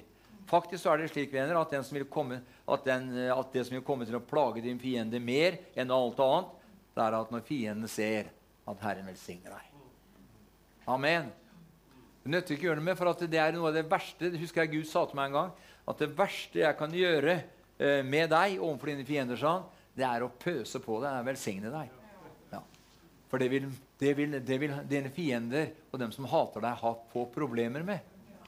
Men Gud er mektig. vet du. Du gjør det langt mer enn det du er i stand til å fatte og forstå og be Han om. Amen. Jeg husker en gang det For hevne hører Herren til. Jeg husker jeg fikk det verset der for mange mange år siden i forbindelse med jeg var på slutten av 80-tallet, eller begynnelsen på 90. Så var det sånn at jeg ja, jeg var i en vanskelig, vanskelig situasjon da. og Jeg hadde en mulighet til å, til å slå tilbake. Men en natt så talte Gud til meg. Min sønn sa han, 'Hevnen hører meg til'. Hevnen hører meg til.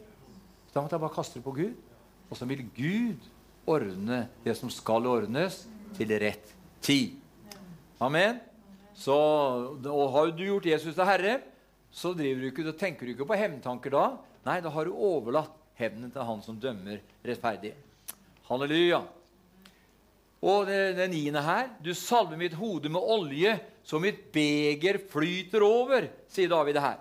Dette betyr, venner, at det aldri bare skal være slik at du kun har det du trenger til deg selv, men Herrens velsignelse skjønner du, vil føre til at ditt beger flyter over. Halleluja! Slik at du igjen kan få være til velsignelse for andre. Amen. Han sa jo det. Men jeg har kommet, du skal ha liv og liv i overflod. Du kan ikke mer enn å spise deg mett. Du kan ikke mer enn å drikke deg utørst. Du kan ikke mer enn uh, å ligge i én seng av gangen. Du kan ikke mer enn å kjøre én bil av gangen. Du kan ikke, uh, ikke sant, bo i ett hus av gangen osv. Men Herren han skal velsigne deg så rikelig så det skal flyte over. Derfor ble, veldig, ble det veldig ramaskrik i, de, i, de, i, en, i en, del kristne, eh, kristne, leirer i 1978. Når 1978-oversettelsen kom, ut, ja, for ja, eh, den Bibelen, så står det at han skal fylle ditt, fylle ditt be, han skal fylle ditt be, eh, han skal fylle det han skal fylle deg opp til randen. Han skal fylle deg til, til randen av ditt beger, står det. Men, det ikke flyte, men grunnteksten er at han skal fylle ditt beger så det flyter over. Du skjønner, for Hvis det ikke flyter over, så har du bare nok til deg sjøl. Ikke sant? Men Herren vil at det skal, skal fylles, det skal flyte over, så du blir i stand til å dele ut. Halleluja. Jeg husker en beretning i, en det var i, i januar, slutten av januar i, i, to, i 91. Da hadde jeg gått ned, jeg hadde gått ned med en svær Jeg hadde gått ned med en stor smell da. Og så, så ringer det en fra Helsinki Helsinki, eller altså, ja, fra Helsingfors. Eh, og Han ringte til meg oppe, oppe i Degernes og så sier han at 'Taler jeg, taler jeg Marne Lundstien?' 'Ja, du gjør det nå', sa jeg. Ja, jeg, jeg, vet ikke hvem du er, sånn, men jeg har en hilsen til deg fra Herren. sa Om du, nå ikke, om du nå i dag ikke har så mye som en, eh, som en krone i din fikke, så skal dager komme, sier Herren, da, da, skal, eh, eh, da, du igjen skal dele ut til høyre og venstre. Ta det som et ord fra Herren, min kjære broder, sa Og gå inn og ta deg en kopp kaffe og slappe av litt av. Så, og så altså lam på røret. Men det er jo mange år siden. da, Det er jo 30 år siden. Så, og jeg fikk mange sånne forskjellige sånne telefoner vet du, fra London og forskjellige plasser. vet du. Eh, og ja men, ja, men det skjedde jo liksom ikke med en gang, da. Nei, men du skjønner, Gud er rik nok. Og i, han, eh, og i Salme 1 og i den tid, nei, dette her skal bære frukt i sin tid. Amen. Halleluja. Så alt har med Guds timing og Guds tid å gjøre. Amen. Så står det videre her at eh, eh,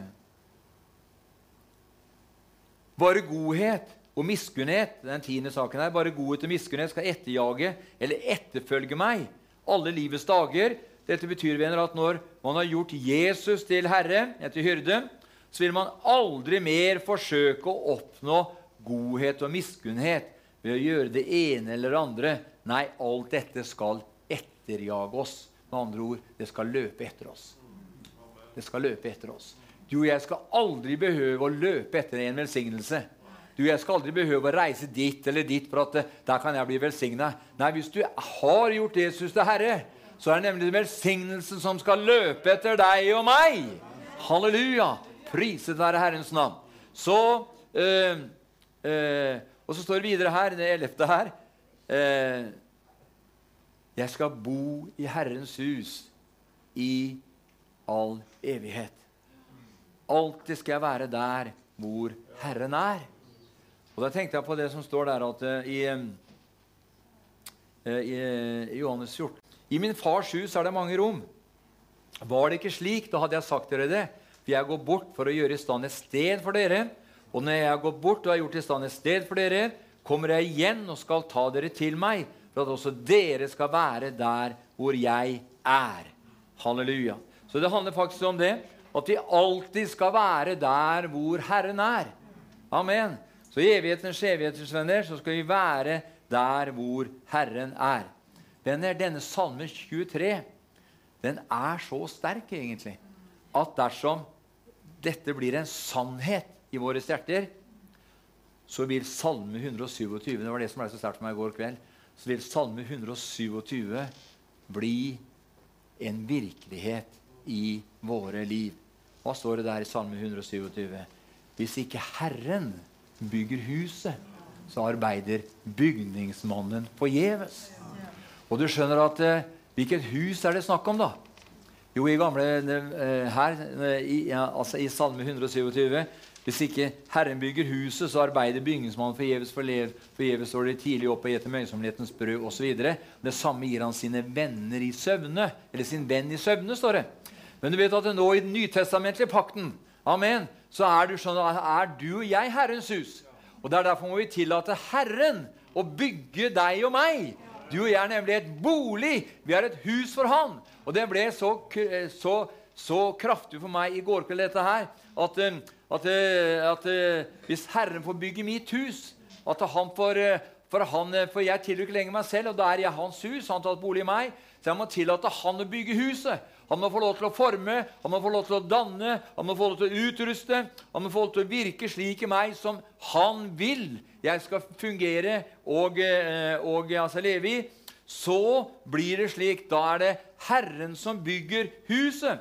Og når det blir en virkelighet, eh, så det det eh, så blir det huset det blir en bolig, en bolig for Herren som han kan arbeide ut ifra. Gud vil, vil, Gud vil arbeide ut ifra deg, han vil arbeide ut ifra meg. Han vil arbeide ut ifra oss, slik at um, hans, uh, hans, gjerninger, hans planer, hans hensikter kan skje gjennom ditt og mitt liv her på jorden. Halleluja. For han sier nemlig for at um, uh, uh, han, for, for, han sier kanskje at vi kan kanskje si det så sterkt at som Efesbrevet 2 vers 10 sier, at vi er Hans verk, skapt i Kristus Jesus til gode gjerninger som han på forhånd har lagt ferdig for oss for at vi skal vandre i dem. Og da vil jeg nesten streke under og si det er umulig for deg og meg å fungere optimalt i de ferdiglagte gjerningene hvis ikke Herren får bygge huset. Hvis ikke Herren får bygge meg og bygge deg, så er det umulig optimalt for Herren å bruke deg og meg. Jesus levde et optimalt liv overfor sin far. Han sa, 'Jeg har ikke kommet for å gjøre min egen vilje.' Det jeg, eh, det jeg hører, eh, det sier jeg, eh, og det jeg jeg sett Faderen gjøre, det gjør jeg. Vi er Hans verk eh, og eh, skapt i Kristus Jesus, det gode gjerninger som han på forhånd har lagt ferdig for oss for at vi skal vandre i dem. Og Jeg tenkte på det i, dag, i går kveld, dette her som står også i eh, Johannes 14, og vers 12 til eh, 14 eh, og vers 12. Sannelig sier jeg dere, den som tror på meg, han skal også gjøre de gjerninger jeg gjør, og han skal gjøre større gjerninger enn disse, for jeg går til min far. Og vers 13. Og hva som helst dere ber om i mitt navn, det skal jeg gjøre for at Faderen skal bli herliggjort i Sønnen. Altså Han sier her at eh, 'jeg tror at eh, det er først da Johannes 14, 12 kan bli oppnåelig'. At vi ikke bare skal gjøre de gjerninger han gjorde, men større enn de gjerningene han gjorde, fordi han går, fordi han gikk til sin far. Og jeg tror at når du og jeg er, innser det at vi ikke lenger tilhører oss selv, men vi tilhører Han som døde og sto opp igjen for oss alle, og han får lov til å virke i oss det både ville og gjøre, det gode og velbehage, det som er etter hans vilje osv., da er det ikke jeg som vil saker og ting, men det er Han som virker i meg og virker i deg. Som det står i eh, Filippebrevet 2, vers 13. er det vel. Han virker i oss til å både ville og gjøre det gode, det velbehagelige, det som er etter hans vilje. Og da tror jeg da at eh, når det blir en sannhet i mitt hjerte, at eh, Arne, jeg abdiserer, jeg trer av, og jeg eh, ropte til Gud og Herre, jeg, jeg ønsker å tre av. Jeg må tre av. Og så vil jeg at ditt liv skal være eh, at, eh, at, eh, at, ditt liv skal bli mitt liv. At han skal få lov til å fungere og virke gjennom deg og meg. Og da blir det sånn at eh, Da kan jeg si som Paulus sier, jeg lever ikke lenger selv, men Kristus lever i meg, osv. Og jeg tror, venner, skal vi, skal vi møte den fighten som er ute i verden i dag, skal vi møte det hatet som kan si, Norge er jo i ferd med å bli avkristne. Den politiske eliten de har satt seg over Gud. skjønner du. Det første budet er at du skal ikke ha andre guder enn meg. Men eliten har gått så langt at de skal høre på oss. Ja. Det, er vi, det er vi som vet best. Det er vi som kan. Det er, som, eh, det er, det er oss dere skal lytte til, osv. Og, og så har man gjort alt man kan for å på en måte stenge, stenge eh, det, alt som har med Gud og kristendom det, det altså vil man helst ikke ha noe med å gjøre. Og man ser da at eh, ser at sånn som Ungarn f.eks. Eh, de nekter plent, og Polen nekter plent, at barn under 18 år skal få grundig opplæring i homofili og alt hva, den perversiteten og alt hva det handler om. Helt ned til eh, barn i altså barnehage. Helt derfra ville EU eh, kjøre inn hele det lovverket sitt for å få inn den der nye agendaen. Og så bruker de ordet ja, men det har med EUs menneskerettigheter å gjøre. Det skjønner du. Det er det de sier. Det har med EUs menneskerettigheter å gjøre. Det har med djevelens verk å gjøre. Ja, det er det det har. Og Derfor så ser vi da at vi har to land som reiser seg. Eh, og Det er Ungarn og Polen. Og det kommer nok til å komme flere. Og eh, jeg, Vi hadde et bønnemøte her var sikkert kanskje 15 år siden. Vi hadde en bønnenatt her, eller en bønnekveld, en fredagskveld. Og da talte Gud, og så sa vi den profetiske ånd Det kommer en tid EU skal kollapse. EU skal falle. EU kommer til å falle. Og eh, hvorfor kommer det til å falle? Jo, for at Gud har aldri vært for unioner. Aldri vært for Den første unionen det var den der som var på Babels tårn. De sa la oss bygge et, eh, et tårn som går, som, som går like opp til, altså, kan si, opp til himmelen. Men Gud hadde ikke noe behag i det, så han endra folkenes eh, språk og, der, og, sendte dem rundt omkring i hele verden. Eh, så det med EU og sånn, det er mot Gud. For Gud vil at alle mennesker skal bo innenfor, innenfor fastsatte grenser, hvor de der skal lære Gud å kjenne. Det skal ikke være noen sånne overkikadorer som skal sitte der og sette dagsorden for deg og meg. Nei, du skjønner at vi har én Herre, hvis, hvis navnet er Jesus Kristus. Vi har en rådgiver, som er Den hellige ånd. Og han skal både veilede oss til den hele og fulle sannhet, og han skal, forkyn, og han skal, for, og han skal fortelle oss om de kommende ting osv. Ja, vi må ikke vite så mye om framtiden. Selvfølgelig skal vi vite om framtiden. Da er det en hellig ånd skal fortelle, Han skal veilede oss til hele fulle sannhet. Han skal fortelle oss om, om altså framtiden også. Det er helt bibelsk å vite om det. Og jeg tror det, venner, at vi står foran en tid nå hvor det kommer kraftige rystelser. Det kommer rystelser som kommer til. Og eh, ja, men Norge, Det er ikke noe farlig med Norge. Vi, kan ha jo, vi har jo 350 000 muslimer i Norge. Og hvis alle dem stemmer Arbeiderpartiet, så har vi sosialist, sosialisme hele veien. Hele veien. Men, eh, eh, men, la, men la, det ligge. Men det, det som skremte, skremte meg denne uka her, først på uka, når jeg så denne så fra Utøya, og jeg så, så, eh, så AUF-ungdommen, hvordan de hadde lagd det store skiltet 'Boikott Israel'.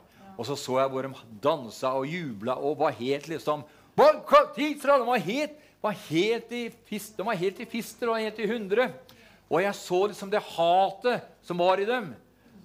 Og så kan man da stille seg spørsmål da at eh, så, Ja, men så, eh, så kan man si Hvorfor er det sånn? Det er framtidens Ap-politikere. Jeg husker det når det var 22. 22. juli eh, eh, i 2011 i forbindelse med han, eh, han eh, Breivik som skjøt i 77 og var på Utøya og skjøt. Så var det en forferdelig sak. Men så var det en biskop som sa at Hvor var Gud den her? Hvorfor grep ikke Gud inn og hjalp? Hvorfor grep ikke Gud inn og hindra den massakren? Ja, men kan, Da kan du si på samme måte som dere vil andre asiatiske land og søramerikanske land, og hvor det er stadig vekk massakrer osv. Du ser ikke Gud griper noe inn der heller. Men altså så, når det var det spørsmålet, så ba jeg, husker jeg ba til Gud, så fikk jeg et ord fra Jeremia. Og der står det når, når ulykken rammer, hvem skal da hjelpe dem? Så står det jeg, ikke jeg, sier Herren. For meg har de forkasta. Meg vil de ikke ha noe med å gjøre. Så da blir det feil av biskopene å si det. Hvor var Gud hen? Nei, men Gud er ikke der hvor du ikke, hvis du ikke vil ha noe med Gud å gjøre. Nei. Og Det er derfor David sa 'Herren er min hyrde'. Jeg mangler ingenting. Han leder meg til vinens vann osv. Så, videre. så øh, Og dette her, venner, at hvis ikke Herren bygger huset, så arbeider bygningsmannen forgjeves osv. For Herrens ånd sier til deg her i kveld at det er ikke ved hær, og det er ikke ved makt, men det er ved min ånd saker og ting skal skje i dager som kommer. For Jeg har kalt deg ved navn, jeg har tegnet deg begge mine hellige hender, og jeg er forbestemt for deg at du skal gå ut og bære frukt, frukt som er omvendelsen verdig. Derfor vil jeg se Herren til deg her i kveld, At du ikke skal se deg engstelig omkring, verken til høyre eller til venstre, eller bakover eller framover, men du skal feste blikket på meg. For det er nemlig jeg som er troens opphavsmann og fullender. Og dersom du i ditt hjerte har gitt deg helt til meg, så kan du være trygg på alle plan og på alle områder i ditt liv. For jeg skal personlig ta meg av deg. Jeg har lov til mitt ord at skal ingenlunde slippe deg og ingenlunde forlate deg. Dette er en sannhet som er like sann i dag, sier Herren, at jeg vil ingenlunde slippe deg og ingenlunde forlate deg. Derfor skal du bare være riktig frimodig og våge å tro på meg. Våge å snakke om det som hører mitt rike til. Våge å tale om det som rett og, viktig, det som rett og sannferdig er. Fordi at jeg elsker mitt folk. Jeg lengter etter at mitt folk skal komme inn i fullheten av den plan som jeg har med mitt folk. Derfor skal du alltid, under, alltid og, og i ett og under alle forhold være overbevist om det i ditt hjerte at du er utvalgt ikke fordi at du er den du er, men fordi at du valgte å tro på meg, sier Herren. Fordi du valgte å sette din lit til meg. Fordi du valgte å tro mitt ord. Derfor har jeg kalt deg, derfor har jeg gitt deg det du trenger til. Jeg har gitt deg kraft, jeg har gitt deg styrke, jeg har gitt deg alt det du trenger til for å fullføre ditt liv her på jorden i renhet og i hellighet og i Guds frykt. Men du skal bare være riktig frimodig, og så skal du få erfare og få oppleve det at når du hører min røst si 'gå', og du da begynner å gå, så skal du få erfare og få oppleve på samme måte som en tjener Abraham i fordums tid han var ikke min tjener. Han tilhørte et, han tilhørte et rike hvor avgudsdyrkelsen var i høysetet.